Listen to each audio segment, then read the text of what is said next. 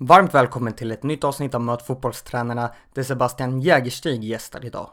I avsnittet pratar vi om varför han tidigt valde att bli tränare istället för att spela och hur det var att verka i flera olika Stockholmsklubbar. Han berättar om valet att starta en egen klubb och varför han gjorde det. Jägerstig beskriver deras träningsmetodik, deras mål med klubben och planerna i framtiden. På slutet pratar vi om individuell träning som är något Sebastian jobbar mycket med. Han berättar om hur de träningarna ser ut och hur viktigt det är. Glöm inte att prenumerera på podden i din poddspelare, följa podden på sociala medier och att kolla in Youtube-kanalen där det finns videos om fotbollstaktik och där du får följa med tränare en dag i deras liv.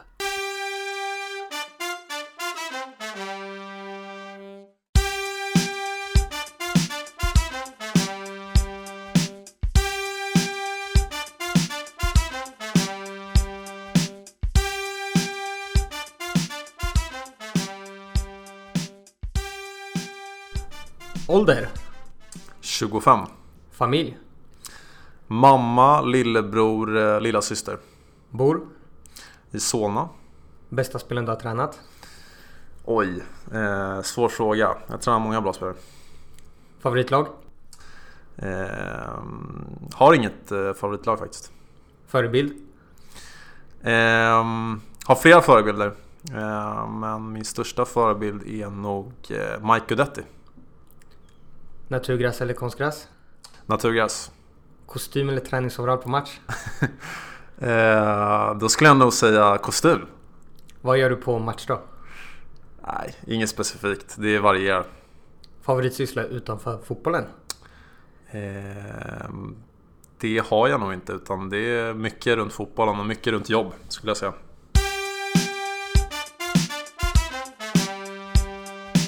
Varmt välkommen Sebastian Jägerstig till Möt fotbollstränarna. Tackar! Hur är läget idag? Det är bra. Hur är det själv? Det är bara fint. Härligt. Vi sitter här på Bern Arena förmiddag. Du har kört från Solna. Hur gick bilfärden? Nej men det gick bra. Det gick ganska snabbt. Det gick på två timmar som jag körde ner hit på så det, det var smidigt. Hur ser eftermiddagen ut? Eftermiddagen ser ut så att jag sitter här eh, till en början. Sen så när eftermiddag- eftermiddagen börjar så ska jag iväg och träna. Eh, Då ska träna två spelare. Felix Beijmo och Viktor Gyökeres. Eh, Sen efter det så ska vi själv dra och träna. Och eh, titta, titta igenom lite matcher och planera lite runt, runt min klubb som jag driver. Etc. Så att ja, det är väl planen. Hur många timmar av dygnet brukar du lägga på fotbollen? Ja, det är 24 timmar om dygnet och alltså ska man räkna in mina tankar, för jag tänker oerhört mycket. Och jag tänker fotboll konstant hela tiden. Alltså det är väldigt sällan jag inte tänker fotboll. Eh, de som har sovit med mig eh, vet att jag pratar oftast i sömnen och då är det fotbolls, eh, fotbollsprat. Så att jag lägger väl i alla fall en 10 timmar om dagen tror jag. På, på bara fotboll. Idag är du ju tränare och du slutade ju att spela själv väldigt tidigt. Hur var du som spelare? Och vart spelade du? Som spelare så var jag eh, ganska, väldigt bollkär, bolltrygg, eh, relativt eh, kreativ.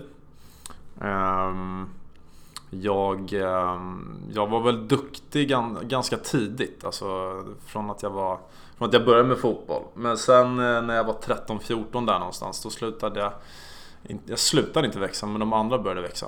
Eh, Så jag hade, hade en tuff period fram tills ja, men någonstans mellan ettan till tvåan i gymnasiet. Och eh, det är väl då jag började liksom växa på riktigt. Och då var väl jag 17-18 år. Och, och då hade jag liksom redan nästan tappat eh, hoppet och tron om att jag skulle bli fotbollsspelare. Ehm, så att då, då, då slutade det slutade med att jag la av liksom. Ehm, och ehm, blev tränare direkt. Hur kom de här tankarna då om att sluta? Var det tufft att göra det redan som 17-åring? Nej, det var det inte. Utan det var väl, alltså jag hade då typ tröttnat på fotbollen. Men jag tror att det hade att göra med att jag tappade tron med att jag skulle bli fotbollsspelare. Eh, och eh, sen hade jag... Eh, det, det, det blev liksom en, av en slump att jag blev faktiskt tränare. Jag hade inte tänkt ut det själv. Utan, eh, men däremot så hade jag under, under de här åren som att jag spelade så, så reflektera väldigt mycket kring träning och hur man skulle agera som tränare och jag hade väl väldigt mycket synpunkter som spelare. jag tror inte att jag var den, den spelaren som, man, som var jättelätt att hantera som tränare utan eh, Ja, så det, det, var när det, när det liksom dök upp att jag skulle bli tränare sen så så, så kom allt det här som jag hade tänkt igenom sen innan att det här vill jag kunna införa och förändra och förbättra. Liksom. Du sa att det var en liten slump. Vad var det som hände? Ja, men grejen var så att det finns en, det finns en eh, klubb i, i Danderyd eh, som heter IFK Stocksund. Som då var ganska nystartad. Och han grundaren som hade startat eh, Stocksund heter Karsten Inde. Eh, han, eh, jag var ganska nära vän med en av hans söner som spelade i deras A-lag som de hade startat upp i division 7. Och då hade jag precis slutat med fotbollen och de behövde få in spelare i division 7-laget. De hade en målsättning att de skulle klättra upp i seriesystemet etc. Och, så. och eh, jag var, var väldigt trött på fotbollen men det slutade med att han fick ner mig där liksom. Och sen körde jag en eller två matcher och tyckte väl att ja, det var väl kul och, men inte så här, nej, jag hade ingen gnista riktigt. Och eh, i samma veva där så, så frågade Karsten mig om jag ville ville hjälpa till som assisterande tränare för ett eh, tioårslag. Eh, och eh, det tyckte jag lät intressant men jag såg det framförallt som en möjlighet att tjäna pengar. För jag behövde pengar då, det var under gymnasiet. Och, och så hoppade jag på det. Och sen från första träningen så kände jag bara direkt att wow, det här är superkul. Och det som var roligt var just att se de här, ja, men se de här tioåringarna liksom, som man såg potential i, som hade ambitioner, som man kände att de här kan jag liksom hjälpa. Hjälpa till att eh, kunna bli så bra som möjligt och vara med på en resa, det tyckte jag var superkul.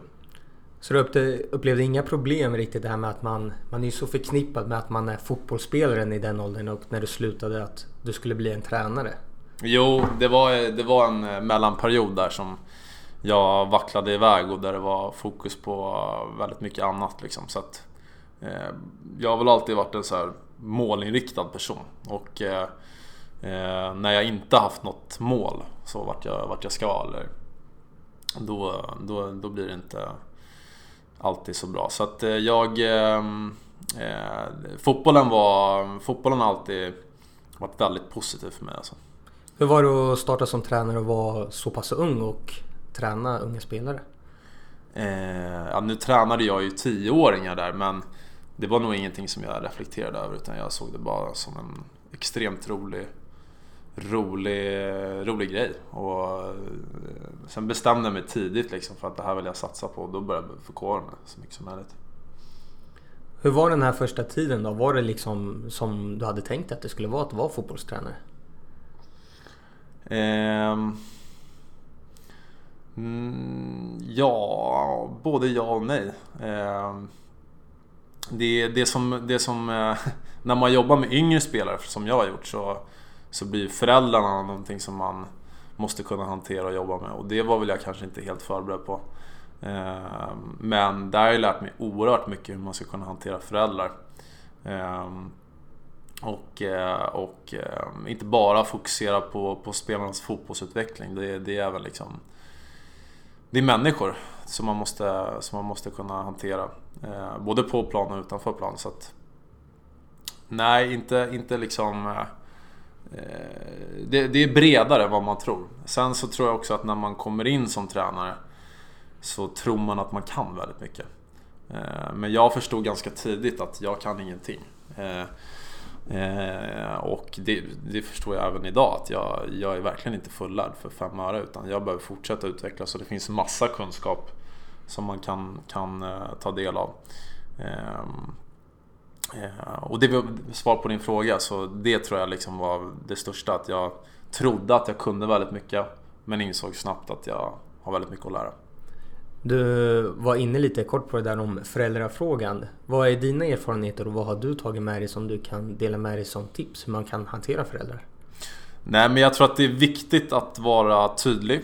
Alltså direkt mot, eh, mot alla föräldrar med vad det är som gäller. Eh, att man, eh, att man förklarar och informerar, inte diskuterar med föräldrar utan informerar kring vad det är som, som gäller helt enkelt med verksamheten och hur de ska förhålla sig till det. Och, och, och man ska helst undvika att eh, involvera föräldrarna för mycket därför att eh, eh de, de, måste involveras men, men de måste också acceptera och respektera att eh, det är jag som är fotbollstränare, det är jag som sköter fotbollen och, eh, och, och, och sen får de släppa det liksom. Men, men eh, jag tror tydlighet och information är viktigt. Att liksom verkligen vara, vara rak och sen inte hålla på och vela på någonting för då, då blir det bara osäkerhet. Som ungdomstränare har du jobbat i Stocksund som du har nämnt, Djursholm och BP. Kan du berätta hur det är att jobba i de här olika klubbarna? Eh, ja, i BP så där, var jag, där gick jag ungefär under en, en säsong tillsammans med min mentor. Eh, så där var jag, jag gick som lärling, jag ville komma nära honom. Så att jag har egentligen inte riktigt jobbat i den klubben. Utan det var mer som att eh, jag var lärling för att jag ville utvecklas och gå under en riktigt bra tränare. I Stocksund och i Djursholm eh, eh, Stocksund med mm, Karsten då som var ordförande när jag jobbade under den här tiden tyckte jag var Det var häftigt för att han hade en väldigt tydlig vision som han ville att alla lag skulle följa och det var nästan i princip bli bäst liksom. Eh, och göra lite det omöjliga och han tog eh, pojkar 00 där hans son spelade till och bli ett eh, kvarterslag och, som gick till SM-final och förlorade mot Malmö FF på tilläggstid och åkte ner ut, utomlands och spelade oavgjort mot Real Madrid och vann toppturneringar i Italien mot Milan i final. Och det var liksom... Han gjorde en jäkla cool resa av det där. Så att det var ju en klubb med, med liksom så här, alltså höga ambitioner som han drogs med i. Eh, och och eh, Djursholm... Eh, nej men de hade väl också bra ambitioner och det fanns en struktur och sådär. BP, som sagt, det var jag ju bara, jag gick ju där som lärling. Men det är ju en, de har ju som identitet att de ska ha de bästa spelarna och de ska vara bäst. Liksom. Och så är det väl fortfarande att de jobbar för det. Vad lärde du dig under alla de här åren och att verka i olika föreningar och miljöer? Nej, jag har lärt mig jättemycket. Ehm, eh, det finns väl inget så specifikt som man kanske, det här, det här har jag lärt mig. Men det som, var, det som har varit intressant i Stocksund är att man har fått jobba med väldigt bra människor runt om den klubben som har varit framgångsrika liksom, i näringslivet. Och då har jag tagit, tagit med mig mycket, mycket liksom, ifrån deras här, tankesätt eh, som jag tror som har gjort att de har lyckats men som jag kan också applicera som tränare. Eh, men, eh, nej men alltså jag har lärt mig hur mycket som helst. Jag har lärt mig massvis med, om liksom individuell utveckling, om, om kollektiv utveckling, om eh, ledarskap, om ledarskap i hur man ska hantera föräldrar, ledarskap hur man ska hantera liksom spelarnas personliga utveckling. Eh, alltså, det, det är väldigt mycket men det är inget så specifikt liksom. Idag så har du ju grundat din egna klubb Stockholm Juniors. När väcktes tanken om att starta en egen klubb? Oj, den eh, har jag haft... Eh, den har jag tänkt på länge. Jag har kanske tänkt på det i ungefär fem år. Jag har haft eh, skisser på, på hur jag vill att min klubb ska se ut sen fyra år tillbaka. Så att det, det har jag verkligen tänkt på. Eh, och det har jag gjort för att jag har haft, eh, jag haft idéer och jag har haft, satt ihop eh, liksom en, en träningsmetodik och ett koncept för att utveckla fotbollsspelare som jag vill ska liksom egentligen appliceras i alla åldrar som jag tror på. Eh, och eh, sen tycker jag att det är kul att driva. Jag tycker det är väldigt kul att driva saker. Eh, och driva och bygga upp. Så att det är väl en kombination av att jag har haft en idé om hur, hur, man, hur jag anser att man ska utbilda fotbollsspelare och att jag tycker att det är kul att bygga upp något eget. Så att, ehm, ehm, den, ehm, jag startade ju upp det här för ett år sedan ungefär. Eh, och det var, då hade jag varit i Djurgården och, och, då dök möjligheten upp att det, att det skulle bli att jag skulle starta upp det där. Liksom. Så att, det blev ganska naturligt. Hur gick tankarna då med att liksom få in spelare och kunna starta upp lag? För det finns ju så otroligt många andra föreningar, klubbar och akademier i Stockholm mm. och i närheten. Mm. Ja, det är en hög konkurrens. Eh, nej, men det jag hade, jag tillsammans med jag grundade tillsammans med egentligen två andra och det är Mike Odetti som nu är ordförande och sen är det Martin Boman som, som även är tränare och utbildningsansvarig. Och eh, ja, vi, vi snickrade ihop allt det här och, och, och, vi har ju liksom ett, vi, har ett koncept i hur vi anser att man ska ta fram fotbollsspelare och att det, vi satsar på att skapa ett riktigt bra lärande. Eh, vi satsar på att spelarna ska få en individuell utveckling. Vi jobbar inte med kollektiva teman eller kollektiv utveckling utan vi jobbar med individuell utveckling för det handlar om att få fram fotbollsspelare från en fotbollsakademi. Ehm, och, och ja, vi, vi, anser att den är riktigt bra. Så vi, sen att det finns konkurrens, det finns det men vi, vi har inte liksom Ja, nu ska jag låta lite kaxig men vi tror att vi, vi, eh, vår modell är kanske bättre än de andras. Kan du beskriva i detalj och berätta om er modell som ni jobbar med? Ja, den är, den är ganska bred men om man ska gå in på själva liksom, träningsmetodiken så är den uppdelad i fyra, fyra delar. Det är effektiv teknikträning, det är numerär, det är eh, bollinnehav, possession och det är anfallsspel. Och eh, nu kanske man så tror att, för de två sistnämnda är ju två kollektiva liksom eh, eh, kollektiva teman så att säga. Eh, men i dem så jobbar vi liksom oerhört inriktat på spelarnas individuella egenskaper i bollinnehavet. Liksom hur, ja. Eh, men så de fyra delarna ingår i vår träning hela tiden. Eh, så vi startar alltid med, med en effektiv, eh, där vi jobbar med, när vi gnuggar liksom med deras teknik. Och tekniken som vi vill forma ehm, ska bestå av, eh, av all, allt det som de ska kunna utföra i match rent tekniskt. Eh, ska, ska, kunna, ska vi träna på. Vi tränar aldrig på en, en dribbling eller en vändning som inte fungerar i match. Utan den ska, vändningen som vi tränar, eller vändningarna som vi tränar, för vi har satt ut vissa vändningar eller mottagningar eller vad det nu är, eh, ska fungera och de ska vara effektiva. Eh, Numerär bygger på alltså en mot en spel, två mot en spel, tre mot två och liksom framåt. Och där har vi kommit fram. Just nu så jobbar vi med att spelaren ska kunna hantera en mot en. Eh, I form av att kunna passera och behålla. Och sen har vi även gått över på att jobba med två mot en. Eh, och i det så är det oerhört mycket individuell taktik som vi trycker på i. Vad är det som du behöver för att lättare kunna passera? Ehm, för det, det är kunskap som de behöver få. Till exempel att vi vill skapa obalans hos, hos motspelaren genom att eh, förflytta honom och då skapar han upp en yta och då tappar han balansen och då ska du trycka på de här sakerna och bla bla. Eh, och sen i bollinnehavet och anfallsspelet så, så är det väl likadant att vi jobbar med eh, det kan vara att vi jobbar med ett possessionspel med fokus där i deras orienteringsförmåga eller deras eh, värderingsförmåga.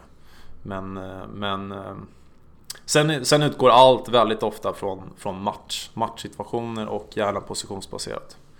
Eh, för det får spelarna att eh, känna igen sig eh, och då tar de lättare till sig informationen och det som vi jobbar med. Du har jobbat i flera andra akademier. Är det här någonting som du har sett att det har saknats i andra klubbar där du har varit och som inte har applicerats på det här sättet som ni gör nu?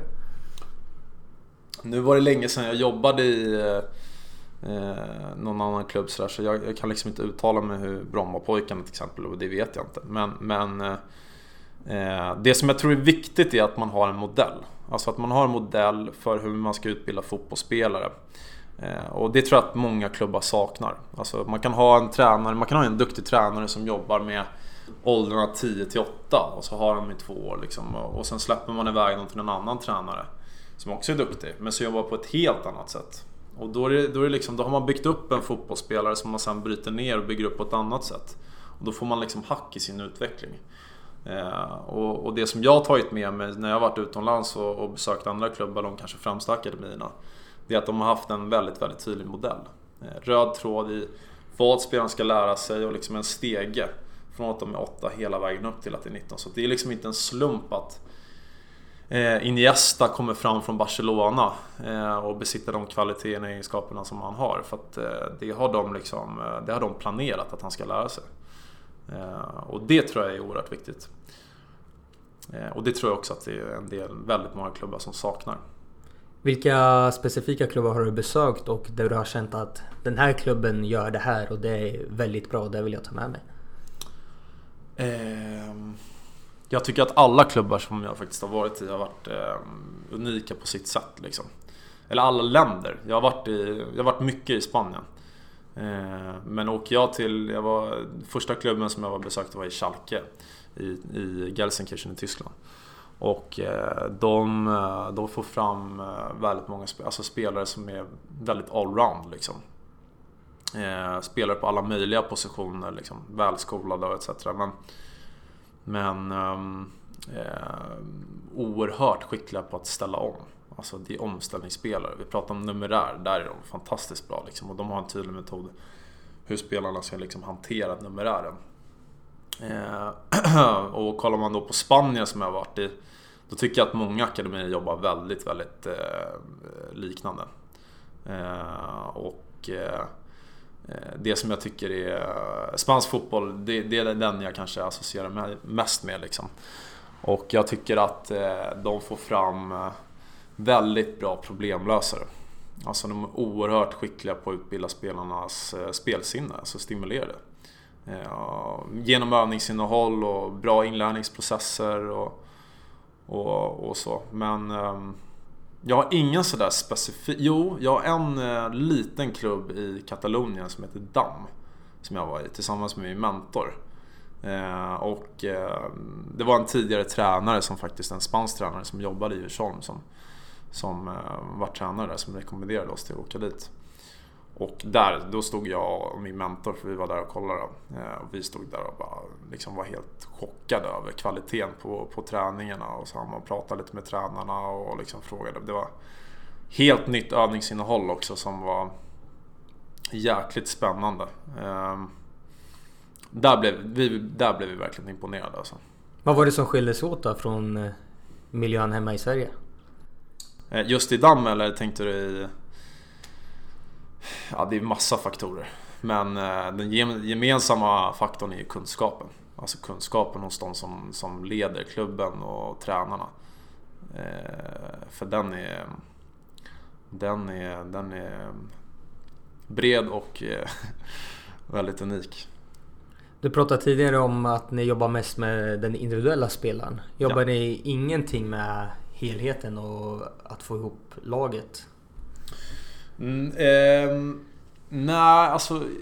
Jo, vi kan jobba med, vi kan jobba med sekvenser. Det, det är väldigt hittills till. Alltså under de här nio månaderna som vi har haft laget så har vi aldrig jobbat med liksom kollektiv taktik. Nu är de elva, men vi jobbar, vi jobbar inte med det. Då är det liksom taktik, det är individuell taktik hela tiden i deras positioner etc. Men det är aldrig det att vi avser en träning där vi ska jobba med liksom, etablerat försvarsspel. Så att, nej. Hur kommer det sig att ni inte velat göra det någonting? Eh, därför att spelarna ska kunna hantera, eh, vi vill att oavsett vad det är för typ av liksom, kollektiv taktik som spelarna ska förhålla sig till när de blir äldre i olika lag etc. Så ska de, så ska de vara så pass skickligt eh, taktiska rent individuellt. Så att det spelar ingen roll vad det är för kollektiv taktik. De ska kunna känna igen sig i situationerna, de ska kunna lösa situationerna. Oavsett vem det är som står som, som tränare. Just nu har ni inga äldre lag i föreningen, men när de blir äldre kommer det kollektiva in i metodiken då? Det, kan, det kommer bli att vi jobbar lite mer, som jag var nämnde, nämnde innan, att det kan vara att vi jobbar med lite större liksom, kollektiva teman. Men det är fortfarande ett stort, stort fokus på deras individuella taktik då, i det kollektiva temat. Ehm, men det kommer aldrig vara så att jag och eh, någon annan tränare, oavsett vem det är som tränare, står och håller en träning och pratar till hela gruppen hur vi ska jobba etc. Utan då pratar vi till spelaren. Spelaren, du ska jobba så här i din position. Du ska tänka på eh, ja, vad det nu är liksom. Vilka är de kortsiktiga och långsiktiga målen med klubben? Eh, det kortsiktiga målet är... Vi satte faktiskt ut det för någon vecka sedan. Eh, fick vi in en ny styrelseledamot som, som vill att vi ska vinna Gotia om två år. Så att, eh, Ehm, det kan nog bli så att det är det som är det mest, det är det kortsiktiga. Eh, att vinna Gotia. Eh, och sen det långsiktiga är att vi vill, eh, vi vill få fram landslagsspelare till, till vårt A-landslag. Och vi vill få fram fotbollsspelare som klarar av att etablera sig i någon av de fyra största ligorna. Det är väl de långsiktiga. Hur ska ni nå de här målen som är ganska så stora? ja, det är ju ett maraton så jag tror att det viktiga är att man, man tycker att det är man ska inte se det som en, en jobbig resa utan vi ser det som en rolig resa, vi som liksom jobbar med det. Eh, vi måste försöka få killarna att hela tiden tycka att det är kul. Eh, det är en av liksom ledorden. Om de inte tycker att det är roligt så då kommer de inte kunna ta till sig eh, kunskapen och och träningen eh, och få en bra utveckling. Eh, vi måste fortsätta, vi som, alltså jag, jag och Martin som leder själva den sportsliga fotbollsutbildningen måste se till att vara modernisera oss och utveckla oss hela tiden. Eh, så att vi, vi är med i hur fotbollen utvecklar sig. Ehm, och kan anpassa vår utbildning därefter. Och sen, eh, nej men sen är det ju massa hinder. Sen massa hinder så att... Eh, men vi vi är positiva. Det gäller att vara positiva hela tiden.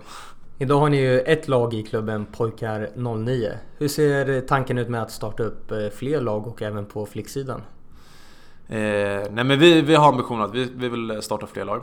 Eh, sen exakt i, i, tid när det blir, det vet vi inte. Eh, flick kollar vi också på. Det gör vi. Så att det har vi också ambitioner med att kanske kunna starta upp. Vi har inte riktigt kommit till den punkten liksom. Utan nu har vi... Eh, det är en konstig säsong med allt som har hänt nu under Corona. Alla turneringar har ju försvunnit så att vi, vi försöker titta här i närtid och försöka få in lite turneringar. För det är någonting killarna liksom saknar. Eh, och sen så tar vi de nästa punkten efter det, alltså med att starta upp fler lag och, och så. Vi pratade lite tidigare om det här just med konkurrensen i Stockholm och i närområdet med att det finns så många akademier. Varför ska spelarna välja just att spela hos er?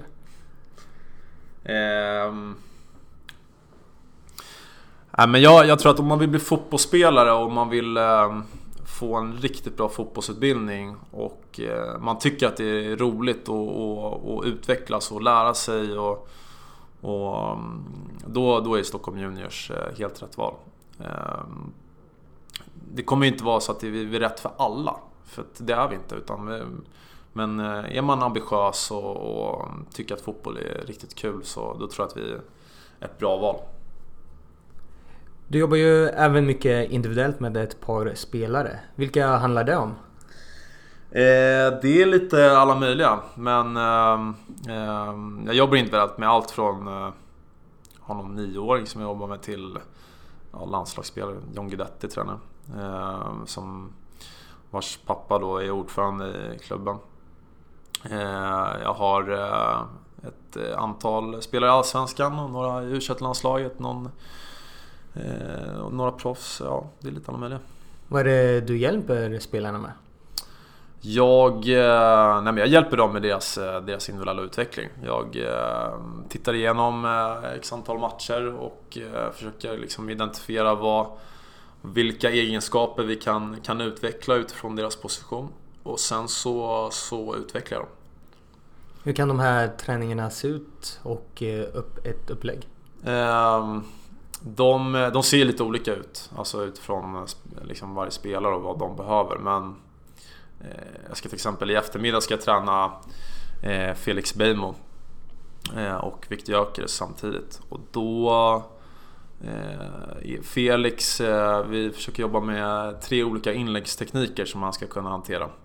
Eh, som ytterback. Ehm, och då formar jag väl träningen så att jag jobbar med en förberedelsedel, jag jobbar med lite fotarbete, koordination och sen går jag över på en inlärningsfas och därefter avslutsfas. Och inlärningsfasen då, då jobbar vi relativt liksom isolerat, alltså helt utan beslutsfattning. Och sen så börjar jag stegra det med eh, olika alltså beslutsfattning, beslutsfattning och eh, och, och allting utgår från liksom hans position och ehm, en matchsituation. Liksom. Och avslutsfasen är då alltså med beslutsfattning. Så att inlärningsfasen utan beslutsfattning, avslutsfasen med beslutsfattning. Typ så. Vilka olika inläggstekniker är det du ska lära honom idag? Det är, eh, vi har ju jobbat med de här tre innan. Eh, det är framförallt två som, han, som vi behöver utveckla. Det är en eh, flack inläggsteknik som jag kallar för ping.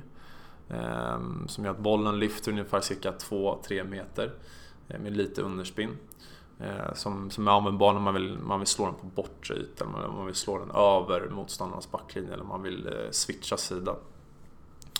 Och sen är det ett curlat inlägg.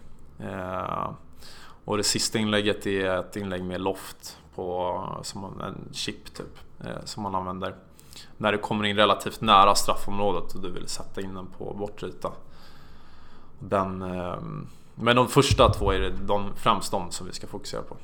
Hur viktigt tycker du att det är att man tränar just på de här individuella inläggsteknikerna för en ytterback? Eh, men jag tycker att det är viktigt att man hanterar dem. Sen om man känner att man kan verkligen hantera dem så gäller det att underhålla dem såklart hela tiden. Eh, men... Eh, men... Eh, ja, jag, jag, tror ju att det... Man, eh, man kan alltid förbättra liksom. En inlägg eller en... Eh, en inläggsfot kan man alltid förbättra. Så att det tror jag det kan vara bra att träna på. Innan vi träffades här idag så när vi pratade på telefon så nämnde du att du tycker att svenska spelare oftast brister i några delar. Kan du berätta vad dina tankar är kring det? Ja, eh, jag skulle nog säga att svenska spelare brister, eh, inte alla, absolut inte alla, men det som kanske är gemensamt som jag tror vi behöver jobba mer med i svensk fotboll det är att få spelarna att bli mer eh, skick, alltså skickligare rent taktiskt individuellt. Ehm, vi behöver ehm, få dem att ehm, hela tiden liksom konstant vara orienterade, att hämta in information i ett tidigare skede. Vi behöver få dem att få en liksom större och bättre förståelse för hur de ska lösa diverse situationer. Och det går inte, på, det går inte så utan det, det tar ju tid liksom. Men jag tror att den, den eh, jag tror att den individuella taktiska förmågan är kanske den, den biten som, som vi bör jobba mest med. Hur kan man göra då för att applicera det här i sin egna miljö? Eh, ja, nej men det är väl... Eh, jag tror att ett, ett sätt är att börja liksom eh, titta mycket fotboll. Bryt ner situationerna. Försök, eh, försök eh, värdera vad, hur, hur de olika sätten, alltså det det finns inte alltid en lösning på problemen. Utan eh, emellanåt så finns det olika lösningar.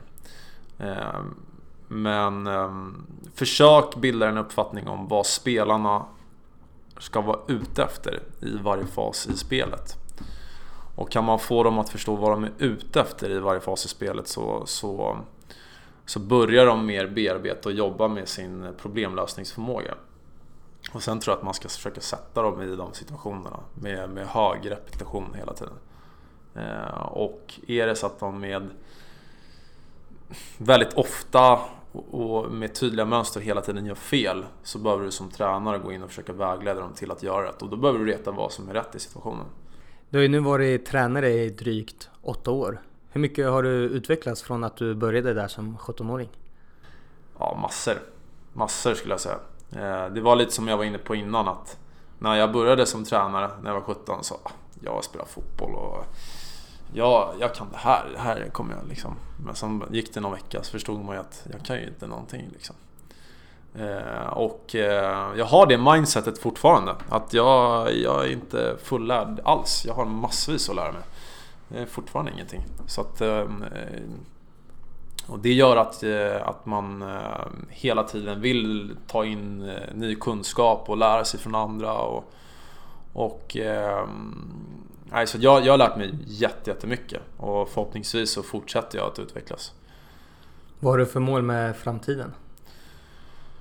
Eh, jag har ett mål att... Eh, nu låter jag kaxig här igen. Men jag vill att vi ska bli den främsta fotbollsakademin Ehm, Ehm, och jag kommer göra ett riktigt eh, hårt försök för att vi ska bli det. Ehm, sen vill jag, eh, jag har, jag har också, jag vill ju ta över ett, eh, ett lag i Allsvenskan någon gång. Jag vill vinna Allsvenskan och jag vill eh, ta det laget till Champions League. Ehm, eh, och förhoppningsvis kunna ta även det laget till slutspel i Champions League. Och det är väl, jag vet inte sist när någon gjorde det. Så att det, det hade ju varit jäkligt coolt liksom. Vilken tränare skulle du vilja lyssna på i podden? Eh, Marcelo Bielsa. Det ska vi försöka lösa. Läs det. Stort tack Sebastian att du Ja, tog dig tid snälla. ville gästa podden. Tack snälla.